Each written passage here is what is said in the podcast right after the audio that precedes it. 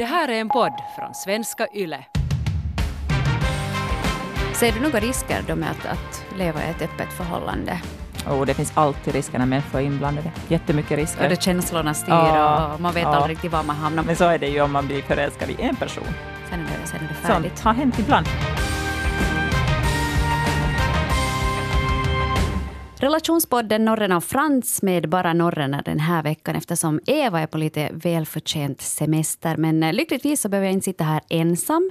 Ty jag har bjudit in en gäst idag istället. Vi ska ta oss an ett ämne som eh, ja, verkar väcka ganska mycket frågor och äh, frågetecken. Och vissa kanske till och med sparkar bakut med ramaskri de talar om öppna förhållanden.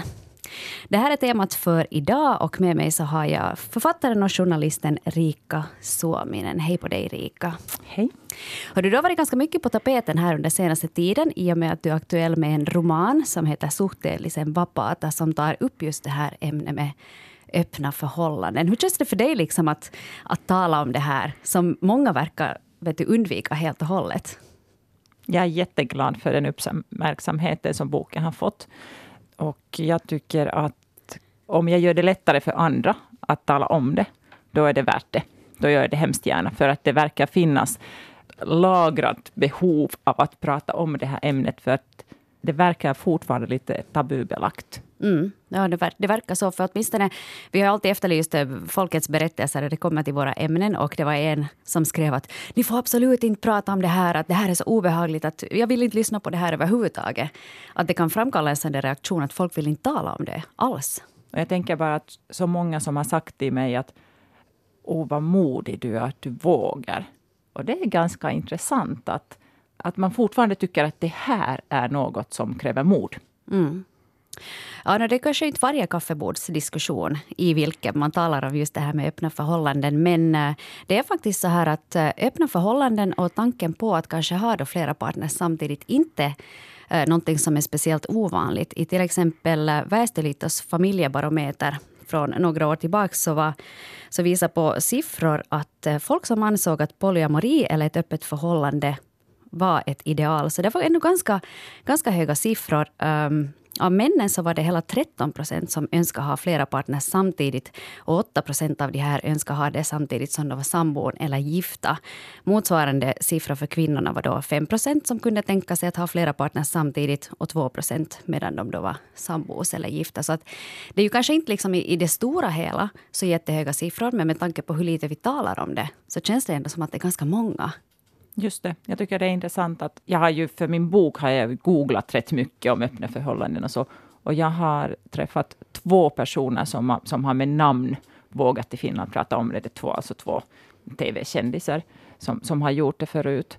Och uh, man tänker att om det är ideal för ändå tusentals människor i Finland, att de, eller som lever, som, som, som lever det, att, att de inte vågar eller har utrymme att tala om det det tycker jag är synd. För att inte alla behöver tala ut om sina förhållanden i, i, media, men, men att man ändå... Ja, man vill ju ändå gärna vädra sina känslor och prata om, om det som är så viktigt som, som kärleksrelationer är. Mm. Varför vill inte folk prata om att de har ett öppet förhållande? Då? Varför, vad tror du att man är rädd för? Jag tror att kärleksrelationer är så viktiga. I alla fall för mig är det jätteviktigt. Att man, man vill inte hamna i ett läge där man måste ursäkta sig eller förklara sig. Det skulle kännas för, för svårt. Det skulle göra så illa. Så att, att det är därför att man är försiktig. Att man, man, man vill inte bli fördömd helt enkelt. Mm. Och du Rika, du lever ju i ett öppet förhållande. Det har du liksom gått ut med, men samtidigt så vill du inte heller öppna upp liksom dina egna erfarenheter och det är ju kanske helt förståeligt. Ja. Och anledningen att jag har eh, sagt A men inte B, varför jag har berättat då att jag lever i ett öppet förhållande, är att, att jag skulle ju berättat för dig och för andra att, att jag är skild eller att jag är singel. Och jag tycker att det är liknande teknisk term. Om inte jag vågar säga rakt ut att jag lever i ett öppet förhållande, vad skulle det ge för signaler? Det är något som man måste skämmas eller gömma. Jag, jag vill att det är lika neutralt än att säga att man är skild. Det är inte konstigare än så. Och för att man berättar det behöver man ju inte berätta alla smaskiga detaljer ur sin personhistoria. Mm. Nej, och sen är det ju det liksom att inte berättar ju kanske folk annars heller om sådana saker som de är rädda att de blir dömda för. Jag menar om du var och, och låg runt på julfesten förra året, inte kanske det heller någonting som du väljer att, att lyfta fram sådär liksom allmänt. Eller att man gör inte. Men det finns någonting i det här med öppna förhållanden som verkar vara ganska skrämmande för folk. Just i och med att man får en sån stark reaktion. Men hur har folk reagerat på den här boken då? Nu du ändå har skrivit, det är ju en fiktiv roman. Men uh, som ändå handlar om en kvinna som har ett öppet förhållande. Hur har folk tagit emot det här? Jag har fått ganska mycket respons och uh, har nästan varit lite överraskad att det har varit enbart positivt. Till och med en lite äldre dam uh, stannade mig på gatan när jag var ute med hunden och ville bara säga att, det var, att hon hade läst en, en uh, intervju och tyckte att det var bra gjort och att det finns allt för mycket hyckleri och för mycket eh, skamkänslor kring, kring sånt här. Kring att man har känslor gentemot andra, även om man är lyckligt gift och, och sånt. Att det är bra att det talas om öppet om det. Så att jag tror att det har funnits eh, behov för att det har varit så tabubelagt och att det har funnits behov att prata om det. Och nu är, man, nu är vissa glada att någon gör det. Mm. det. Det, finns ju ganska många olika termer också där det kommer till det här med att man lever då på, i ett öppet förhållande. Och vissa talar också om att man är polyamorös. Eh, det finns ju en skillnad mellan de här vad jag förstår. Eh, men hur, hur, hur, hur skulle du definiera de här, eller skillnaden på dem? Nu är inte jag någon superexpert i det här, men, men öppet förhållande är mer att man har en kärleksrelation uh, med en partner och sen är man fri att göra andra saker med andra. Man, man är fri att ha sexuella förbindelser, att träffa andra. Och så. Men polyamori är mer att man har lika viktiga kärleksrelationer till flera. Man kanske till och med lever tre, fyra personer tillsammans. Och, så. och uh, vad jag har erfarit är att polyamorösa, de, är, de har också en förening i Finland. De har översatt en bok från, från engelska till finska där de, där, som handlar om polyamori. Att de är mycket mer politiska. De, de vill att deras relationer tas på samma allvar och, och med lika stor respekt som, som vanliga parförhållanden. Och eh, öppet förhållande är mer en tekniskt kontrakt inom ett, ett parförhållande och man har ju alla slags kontrakter.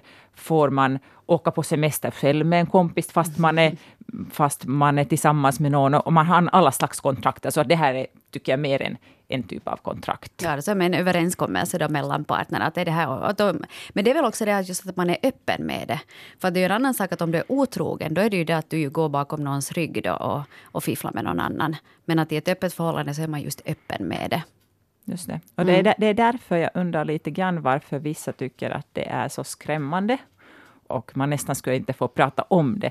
För att vi är ju människor och vi får ju ibland romantiska känslor för andra, även om vi är lyckligt gifta. Eller, så, så att jag ser att öppna förhållanden är ett sätt att öka ärligheten och öppenheten inom förhållanden och göra dem starkare på det sättet. Mm. Eh, vi har ju helt eh, som vanligt frågat er där ute vad ni egentligen anser om det här med eh, öppna förhållanden. Vi skulle kunna ta några kommentarer här inledningsvis på det här. Till exempel signaturen Alexandra skriver så här. Jag skulle inte klara av att leva med ett öppet förhållande. Vilken osäkerhet det skulle leda till att dela sin partner med någon annan så skriver Alexandra. Och sen har vi också sin signaturen Funderarinnan som säger så här. Om jag inleder någon slags förhållande med någon så vill jag nog vara kvinnan som är nummer ett och jag vill visa mannen att han är min nummer ett. Jag vill under inga omständigheter avfärda öppna förhållanden. De fungerar säkert för vissa och kan säkert ge en krydda i förhållandet som finns där hemma. Eh, frågor som dyker upp hos mig angående öppna förhållanden är spelregler. Vilka är spelreglerna? Och var, var drar man gränsen för att saker inte ska gå för långt? Till exempel att det uppstår en oönskad graviditet eller, eller någonting annat. Eller en risk för att ursprungsförhållande ska gå i kras ganska många frågor där av, av funderarinnan. Och kanske, kanske främst just det här med spelreglerna. Det var ju Rika inne lite på det här med att, att det är den här öppenheten som är nyckeln till det hela. Om man, jag har ju för min bok eh, sökt mycket om öppna förhållanden och, och det finns eh, väldigt mycket regler och förmaningar och förvarningar hur man ska gå tillväga.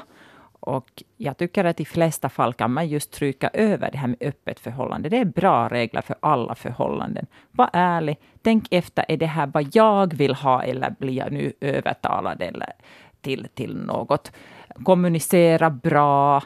Det är helt vanliga saker som jag vågar påstå och få lite medhäll av, av parterapeuter också, att, att folk som lever i icke-monogama relationer, alltså har flera personer inblandade, är till och med bättre att kommunicera än de som lever i så kallade vanliga relationer. Mm. För att i en vanlig relation, det är så vanligt att man, att man kan börja hamna i det och göra som alla andra. Man förväntar sig väldigt mycket saker av, av sin partner. Men det är ingen som hamnar i en icke-monogam relation, för att det är ett, det är ett aktivt val. Man, man går ju mot väldigt många normer och så. Mm. Och då, då, då måste man ha pratat på väg dit. Mm. Och då har man i bästa fall då utvecklat en bra kommunikation inom, inom relationen. Mm. Jag undrar liksom att hur det kommer på, på tal då, det här med att man ska ha ett öppet förhållande. För ofta är det ju så att man blir ihop med någon och så är man då vi två och sen i något skede, kanske tio år senare, så är man så att oh, nu skulle det nog vara kanske kul med någonting annat. Att, jag tänker mig just att här sitter vi och dricker kaffe och äter bullar då. Så man säger att älskling, hur skulle det vara med, med att introducera någon ny? Jag tror att det här är nog någonting som, som skulle kännas lite som en, en förolämpning först innan man liksom har tänkt igenom det.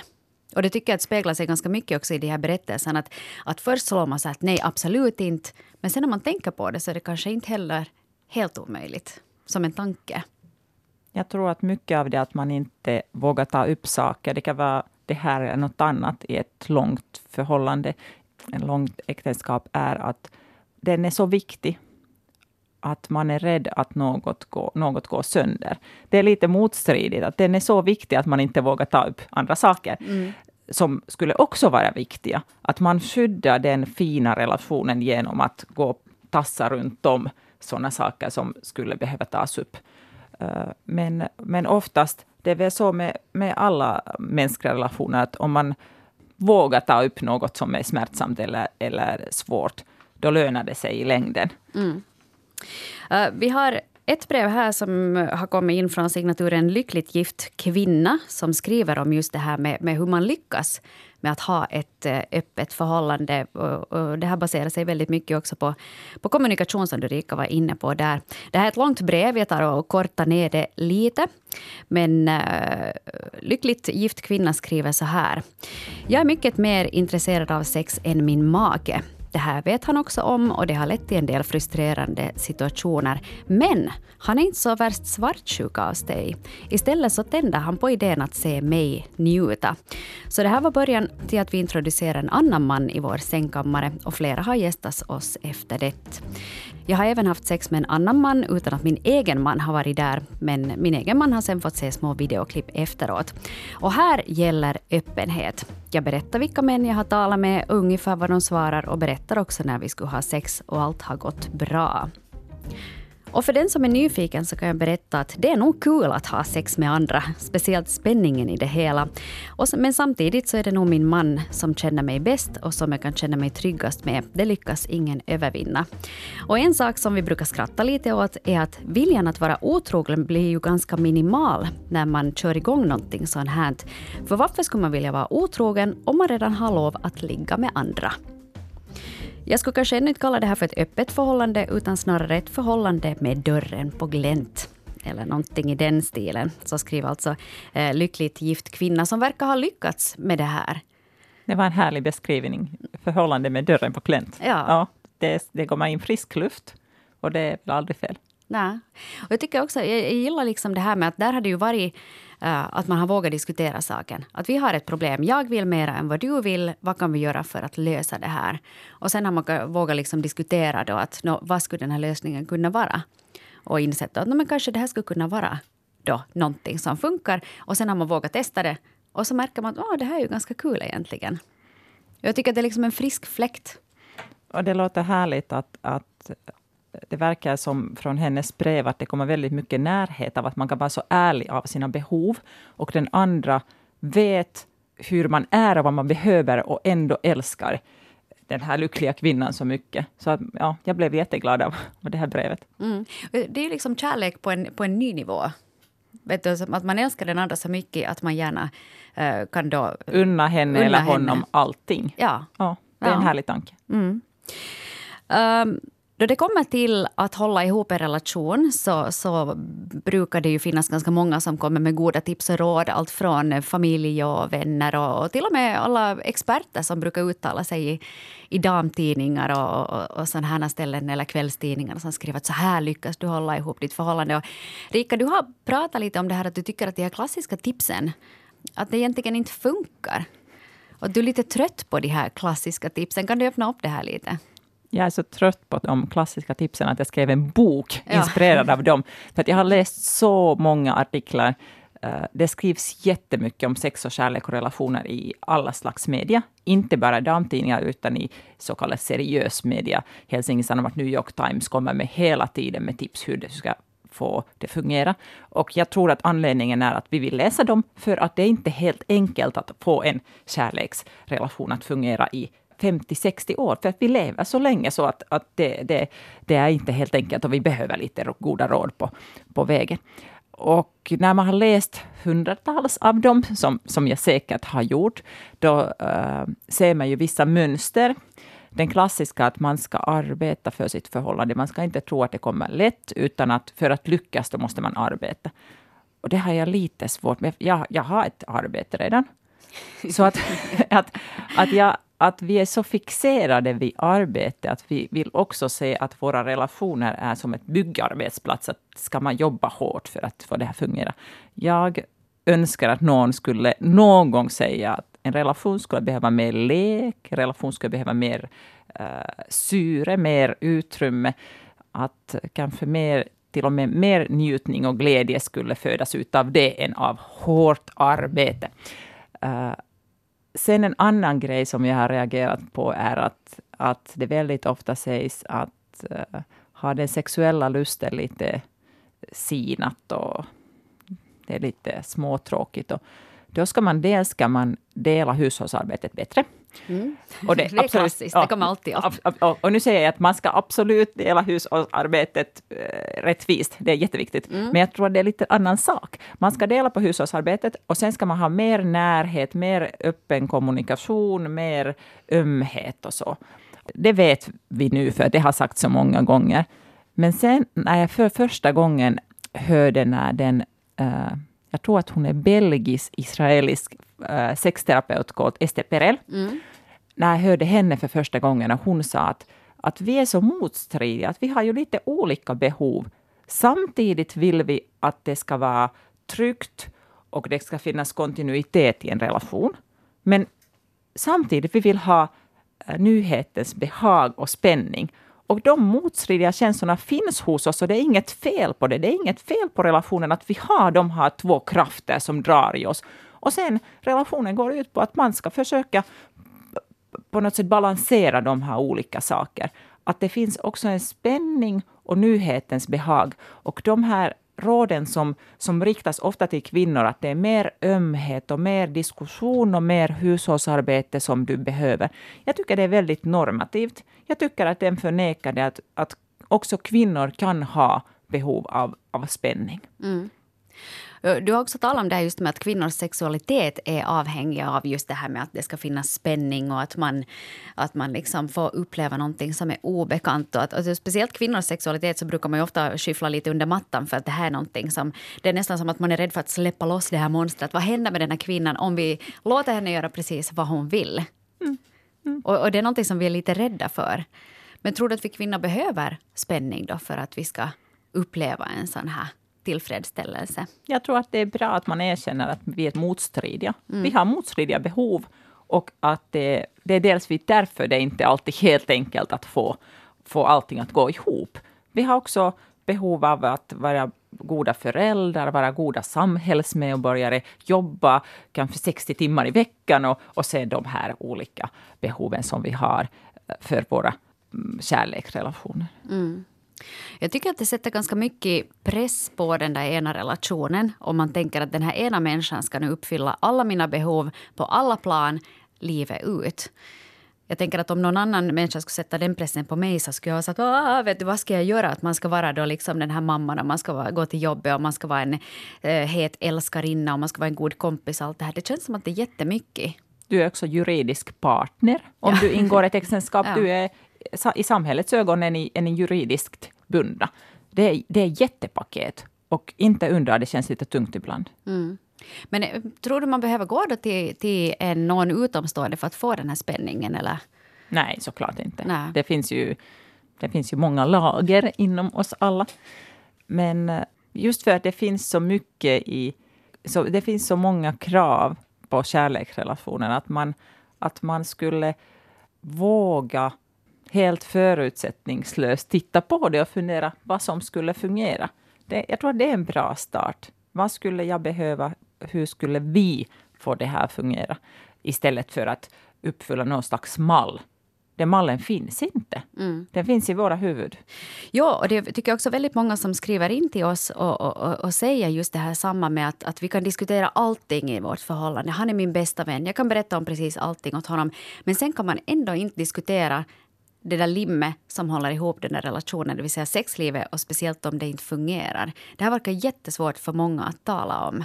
Och, och, speciellt kanske då att man skulle öppna upp för nya möjligheter, att man skulle vara mer lekfull eller att man skulle tänka i nya banor. Så det här verkar vara något som är jättesvårt för väldigt många. Men jag tror att anledningen är väldigt bra, för att man är så rädd om det. Man vill så väl. Man vill absolut inte såra någon. Ja, det är därför jag tror att det är så svårt. Mm, precis. Um, vi har här också en herreman som har skrivit in om det här med eh, öppna förhållanden. Signaturen Bejaka lusten till livet skriver så här. Jag trodde att jag skulle kunna vara trogen hela livet, men det gick inte. Efter att ha haft samma kvinna över 20 år så har passionen svalnat. Man får olika intressen och växer ifrån varandra helt enkelt.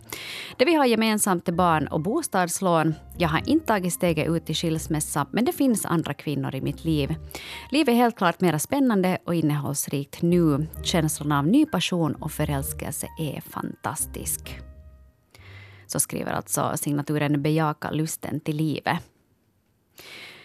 Det verkar inte kanske vara liksom ett öppet förhållande det här utan eh, den här signaturen är ut lite och fifflar på egen hand känns det som. Så att det kanske inte faller riktigt under den här samma kategorin. Men jag kan förstå uh, den här, just den här nyhetens behag och den här passionen. Efter 20 år så är det svårt att tävla med, med den passionen som han kan uppleva då med, med någon ny. Ja, det är lite synd. Det som jag önskar att det fanns en möjlighet att man kunde säga det. Så mycket som de har byggt tillsammans över 20 år. Att, att um, önskar att det fanns utrymme att säga att nu vill jag uppleva det här och det, det hotar inte det som vi har byggt tillsammans. Vi har ett härligt hem, vi har eventuellt barn, vi har gemensamma intressen och gemensam historia. Och eh, vem vet, vad skulle frun fru skulle kanske säga att go for it. Jag går på, på resa till Italien med väninna eller jag, jag träffar eh, någon annan eller så. så att, eh, ja. ja hon träffar ja, ja, Luigi, Luigi i Italien sen när hon är där. Ja, jag önskar att han inte skulle behöva gå bakom hennes rygg. Ja, för det är ju det som känns lite oschysst. För det här handlar ju om att man är otrogen egentligen. Och jag, jag, liksom, eh, jag förstår det här liksom att man vill ha det här, men, men det, det, brukar nog alltid tycka... För mig personligen så tycker jag att det ekar lite illa. Det här med, för det blir ju ändå ett svek som i något skede kommer fram och då känns det mycket värre ändå i slutändan, skulle jag tänka mig. jag tror att det orsakar väldigt mycket stress för att man är, man är så rädd att det ska komma fram. Mm. Man har mycket på spel och det, det, ser inte vackert ut om det kommer fram. Nej, för då har du varit en lögnare och en, och en slusk eh, av hög kaliber.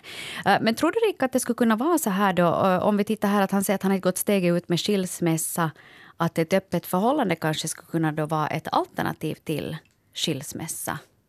Om man kan liksom göra en ny överenskommelse i det här äktenskapet.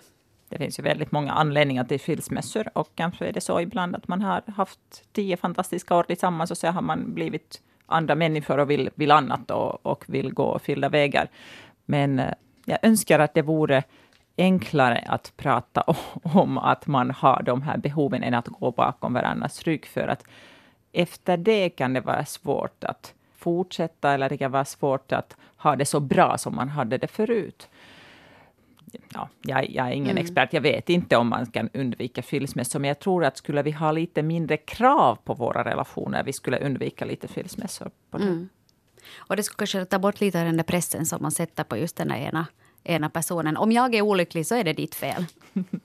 Men det som är intressant är att vi har, vi har uh, skilsmässa är ju inget någon stämpel längre, utan vi har stor tolerans för att man har flera relationer efter varandra. Det kallas mm. för seriemonogami, tror jag, mm. tror jag forskare kallas det, kallar det för. Och uh, det är helt okej. Okay. Och det är den vanliga formen. Att du, det är helt okej att du behöver inte vara med en person hela livet. Nej. Utan du får ha flera, men inte samtidigt. Det är helt mm. bort. Uh, det, det, det, får man absolut inte ha. Men det är ganska intressant att, att om han skulle byta till den passionerade eh, relationen, den mm. här uh, bejaka lusten till livet, lyssnaren. Det skulle flera tycka är okej. Okay. Och det är lite synd att då skulle han behöva lämna det som de har byggt tillsammans med, med frun. Mm. Då måste man välja. Ja, man måste alltid välja. Mm. Och eh, ja, jag önskar att man inte alltid behövde välja. Nej, precis. Och det kanske inte man behöver heller. Beroende på lite hur man spelar sina kort. Om man spelar dem rätt i kärlekens roulette. Mitt favoritrim i de här, i de här sammanhangen. Ja. ja, jag vet inte. Det, det är lite knepigt det där.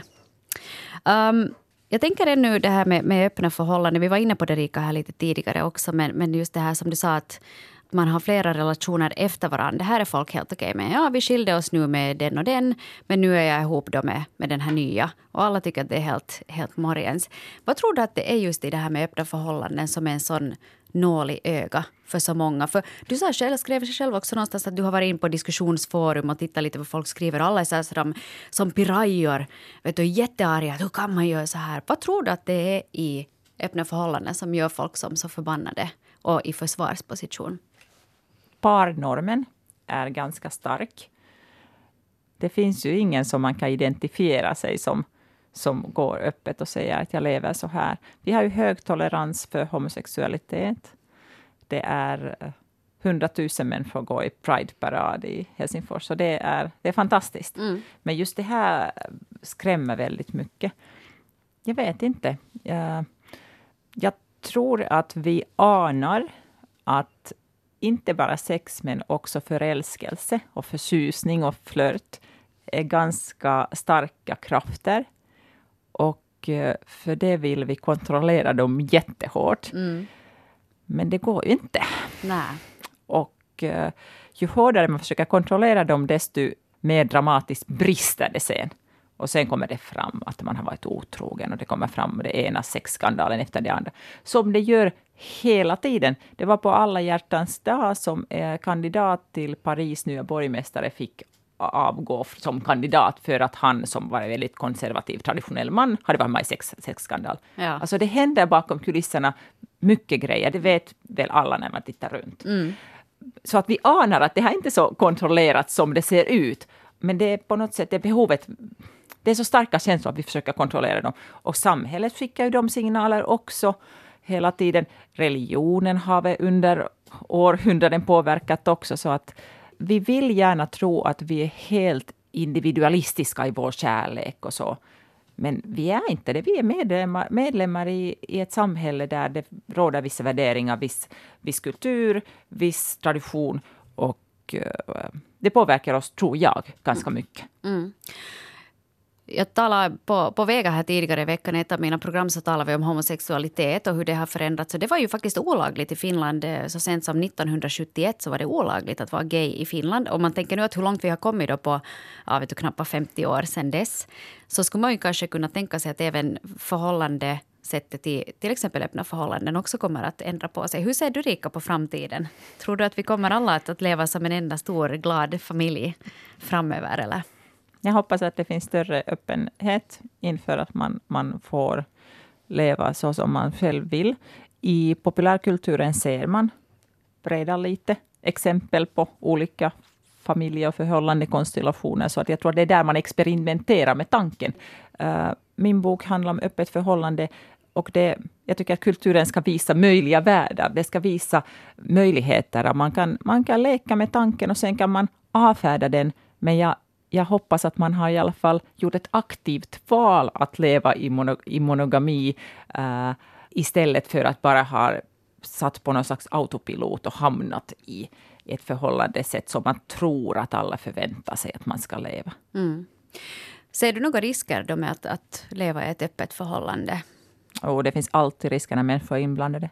Mm. Jättemycket risker. Och det känslorna styr ja, och man vet ja. aldrig riktigt var man hamnar. Man kan tänka att det här kanske bara nu var en sån här grej och så mitt i allt märker man att oho, nu har vi Mount Everest här framför oss. Ja, men så är det ju om man blir förälskad i en person. Ja. Så. Ja, det kan ju hända också att du är lyckligt gift med den ena personen så träffar du någon på jobbet och sen, ja. sen, är, det, sen är det färdigt. Sånt har hänt ibland. Mm. Uh, vi skulle kunna ta ännu här ett uh, avslutande brev som kom in från signaturen uh, i min fantasi som skriver så här. Jag är tillsammans med min man sedan åtta år och vi har två barn tillsammans. Vi har ett bra förhållande, vi prioriterar familjen och skrattar mycket tillsammans. Sexliv är också regelbundet varje vecka och fungerande. Men det är just fungerande och saknar den här glöden och passionen. Jag fantiserar om att vara med andra män, men jag tror att varken jag eller min man skulle må bra av att ha ett öppet förhållande. För mig får fantasierna räcka, i alla fall för tillfället. Och det tycker jag summerar ganska bra en sån här längtan som jag tror att vi många ändå bär inom oss. Eh, vad det är sen som håller oss tillbaka så varierar ju säkert. Det är ju säkert individuellt. Att är det då sen liksom tron på monogamin? Är det familjen, kärnfamiljen man vill hålla ihop eller är det rädsla eller är det någonting annat? Vissa vet också att de är själv eller partner är så svartsjuka att det aldrig skulle fungera. Mm. Och då, då, är det väl självkännedom. Och det kan vara bra. Mm. Ja, vi får ta och, och, fundera vidare på det här, men jag tycker åtminstone själv att, att det känns som att jag eh, blev lite öppnare till det här med öppna förhållanden efter den här pratstunden. Och det, det känns inte sådär som att det här är en helt omöjlig tanke. Inte kan jag säga att jag skulle kasta mig en huvudstupa in i det här, men jag, jag säger ju singel, så det, det, finns ingen att tävla med ännu i det här skedet. Men tack Rika ändå för att du kom hit och, och, och delade med dig om dina tankar kring just det här med öppna förhållanden. Tack för att jag fick komma. Sånt den här veckan. Vi är tillbaka igen nästa vecka. Då är också Eva med oss här i studion. Ha det riktigt bra tills dess. Hej då.